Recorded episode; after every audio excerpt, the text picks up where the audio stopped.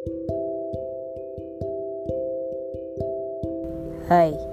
Tita, si cengeng yang gak berani makan pedes. Dasar, noob. Sebelumnya, aku mau minta maaf ya kalau suara aku gak enak banget buat didengar. Atau sehabis ini kamu malah sakit perut. Dan maaf juga kalau suara podcast ini banyak gangguan dari luar ataupun di dalam HP aku sendiri karena speaker HP aku sedikit bermasalah. Semoga tetap bisa dinikmati deh. Oke, kita mulai aja ya. Dorlita Maulinda.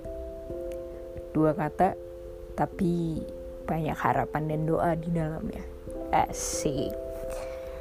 Oke, sebelum kamu bingung, aku mau jelasin apa maksud aku buat podcast ini. Harapannya kamu punya support system yang bisa nemenin kamu kapan aja. Mungkin untuk satu tahun ke depan atau bertahun-tahun kemudian. Dan bisa aja selamanya.